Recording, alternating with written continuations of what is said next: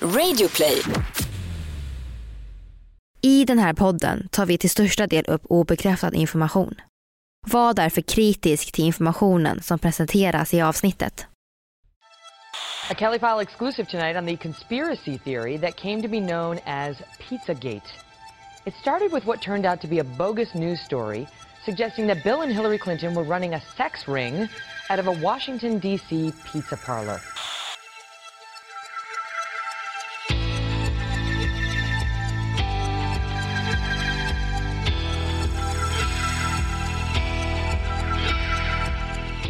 Ni lyssnar på Konspirationsteorier, en podcast med Vivi och Aida.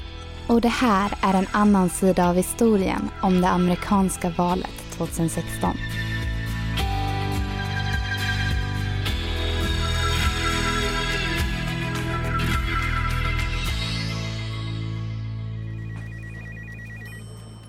Året är 2015. Hillary Clinton, som utreds för att ha använt en privat e-postadress för att skicka hemligstämplad mejl via utrikesdepartementets servrar, är i farten som presidentkandidat för det demokratiska partiet. Att använda en privat e-postadress i arbetet är det inte många som gör. Speciellt inte när man arbetar i Vita huset som utrikesminister. När sommaren 2016 kommer så blir hon äntligen vald som partiets kandidat och tävlar mot republikanska partiets Donald Trump om att bli USAs nästa president. Den tidigare mejlskandalen kanske fortfarande gnager i allmänhetens huvud. Men hon är ändå en stor favorit i folkets ögon. Kommer USA äntligen få sin första kvinnliga president? Hela USA håller nästan andan under slutet av kampanjen. Samtidigt skickar Herbert Sandler, en miljardär och stiftelseman som brukar donera pengar till demokratiska kandidater, ett mejl. Det är adresserat till Clintons kampanjmanager John Podesta och mejlet avslutas med PS. Do you think I'll do better playing dominoes on cheese than on pasta? Det dröjer inte länge förrän Wikileaks publicerar mejltråden följt av flera liknande mejl. I'm dreaming about your hot dog stand in Hawaii och I think it has a map that seems pizza related står det i några andra meddelanden. Ryska hackare har tagit sig in i John Podestas mejl. När det börjar cirkulera på internet att det hänger tavlor med kannibalistiska motiv på Podestas kontor, en bild på en naken tonåring i hans badrum och att han är bästa vän med den dömde pedofilen Jeffrey Epstein blir det speciellt misstänksamt. Snart exploderar internet. Sedan 2010 är det känt att ord som ost och pizza är kodord relaterade till barnpornografi. John Podesta, hans bror Tony Podesta, Hillary Clinton och flera andra högt uppsatta personer i USA anklagas för att diskutera människohandel och pedofili genom kodade mejl. Men finns det några bevis för att det här är sant? Det ska vi prata om idag när vi diskuterar Pizzagate, en teori om den amerikanska valkampanjen 2016. Det här är en podcast för dig som är intresserad av en annan version av verkligheten. En version som tar upp alternativa teorier, mystiska sammanträffanden och diskussioner om vad som kan vara sant.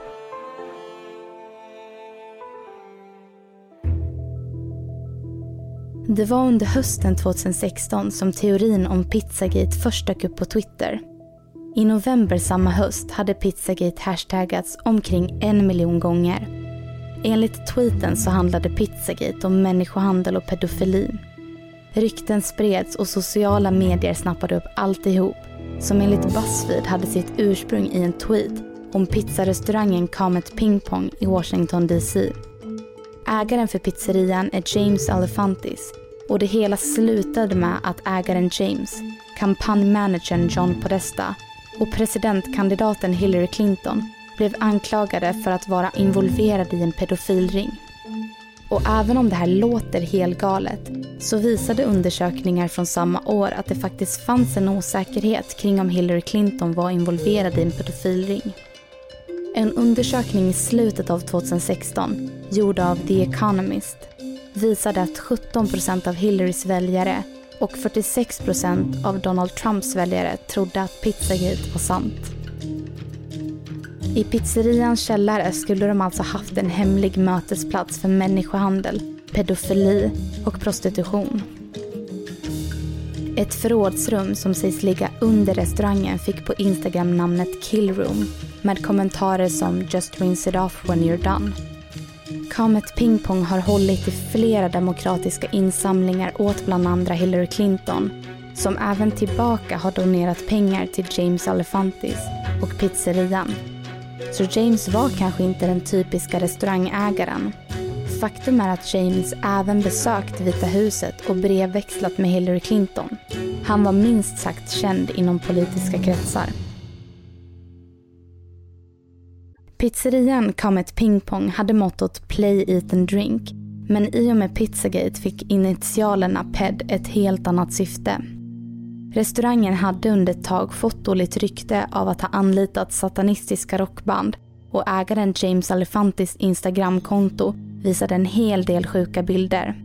Det var barn som satt fasttejpade i bord, barn till salu och barn som åt pengar med oroande kommentarer och hashtaggar. Hashtaggen Caris James dök upp på många Instagram-bilder på olika konton och när man inte lyckades koppla hashtaggen till någon person trodde många att det kunde vara ett kodord för Carisoprodol, en muskelavslappnande medicin. När James Alefantis blev utsedd till den 49 mest inflytelserika personen i Washington började många höja på ögonbrynen. Hur kunde en ägare för en pizzeria i Washington hamna där? Vad hade han gjort för att hamna i en sån relation med USAs mäktigaste personer? Ryktena gick varma och olika konspirationsteorier uppkom runt om hela USA och övriga världen.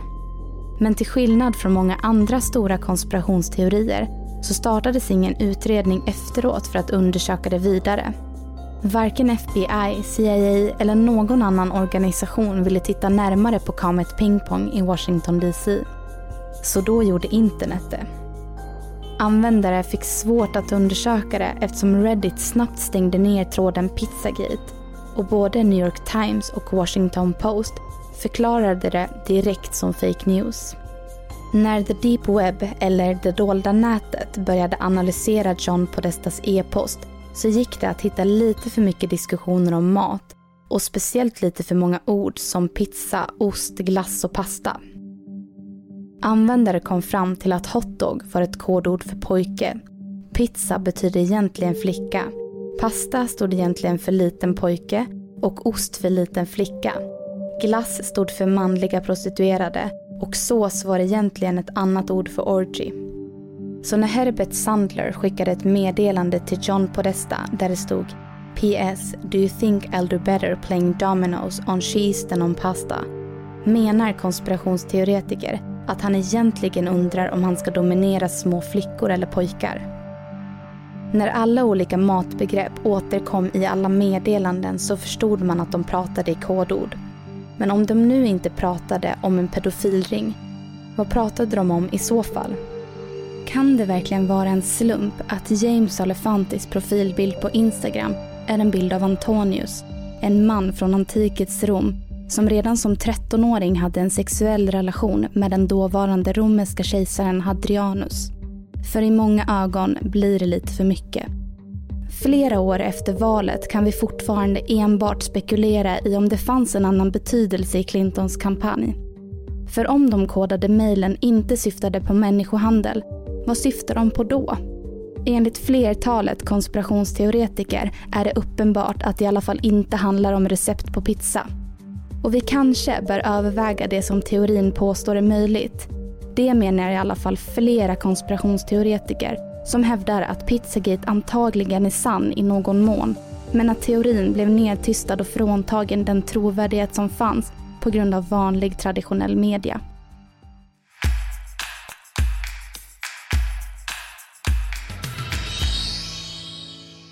Hej och välkommen till vårt andra och sista sommaravsnitt.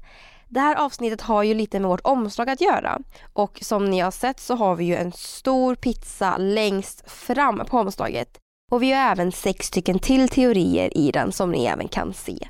Så ni får jättegärna skriva till oss vilka ni tror det är och vi heter konspirationsteorier på Facebook och världens konspirationsteorier på Instagram. Och jag tänkte faktiskt börja den här diskussionen med att berätta att vi egentligen inte har avslutat storyn om Pizzagate. Utan det hände faktiskt något som många väljer att benämna som avslutet för allt. Vilket är en skjutning på Kamet Ping Pong. Det hände i december 2016 och då var det en man som gick in med ett vapen på restaurangen för att han ville befria barnen och undersöka pizzerian. Ingen kom till skada, men det var egentligen här som folk förstod att det inte fanns några gömda barn i källaren. Aha, men eh, ja, vilken tur det. Men det är ju lite för lätt att få tag på vapen i USA känner jag. Ja men det är helt sjukt att de låter folk ha vapen, att de har kvar den här vapenlagen. Ja, det är jättehemskt. Ja, verkligen. Men eh, till skillnad från vårt förra sommaravsnitt som var om Disney så är det här ett mycket tyngre ämne. Men politik är ju verkligen hemmet för konspirationsteorier eftersom att det är här man kan se och märka att makthavare håller på med fuffens för egen vinning. Så hint hint, tycker ni att sånt här är intressant så har vi lite mer politiska avsnitt i nästa säsong. Men tillbaka till den här teorin. Mm. James Elefantis, eller vad han nu heter, Hans namn är väldigt lik den franska översättningen till Jag älskar barn och det ska heta ungefär så här på franska. J'aime les enfants. Och jag ber om ursäkt för att det där var jättedåligt uttalat. Men som ni kanske hörde så var det ganska likt, eller det ska vara det i alla fall. Men jag tror ju inte att James Alefantis föräldrar döper sin son till Jag älskar barn. Eller till att det ska vara likt ja. Nej, det är lite roligt med tanke på att så här, det verkar ju som att han tycker om barn på ett så här, dåligt sätt. Ja, verkligen. Och Mm. apropå namn och sådär så har ju även namnet Pizzagate en betydelse. Och ordet gate brukar ofta stå för en politisk skandal. Och det kommer faktiskt Mm. från Watergate-skandalen som hände i USA på 70-talet. Och det var ju då den skandalen som gjorde att president Nixon fick avgå. Och skandalen fick namnet efter Watergate-komplexet i Washington DC. Och gate används alltså när det sker en skandal och speciellt i politik. Mhm. Ja, och, och pizza i namnet står väl antagligen då för pizzerian. Mm, precis. Hehe. Ehm, men tror du på den här teorin eller hur, hur känner du för det här?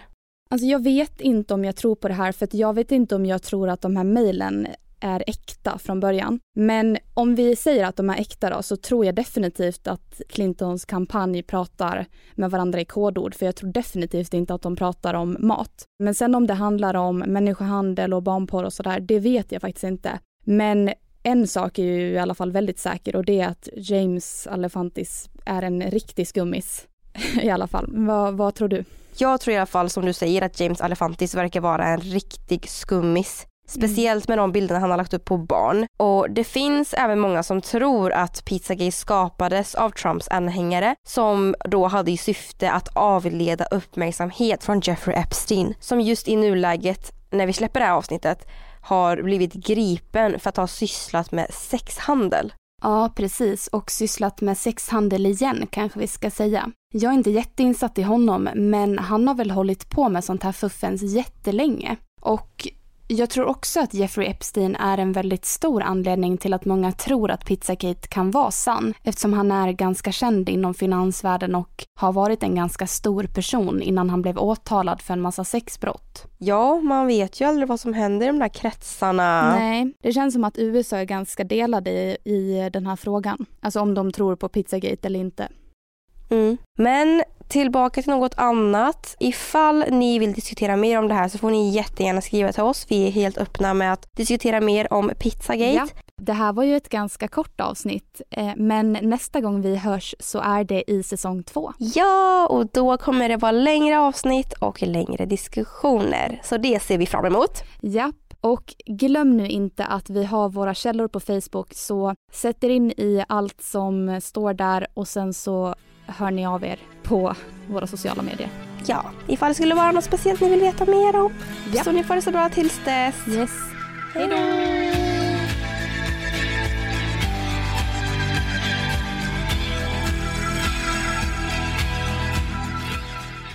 Ni har lyssnat på podden Konspirationsteorier, avsnittet om Pizzagate som gjordes sommaren 2019. Vi som har gjort programmet heter Vivian Ly och Aida Engvall.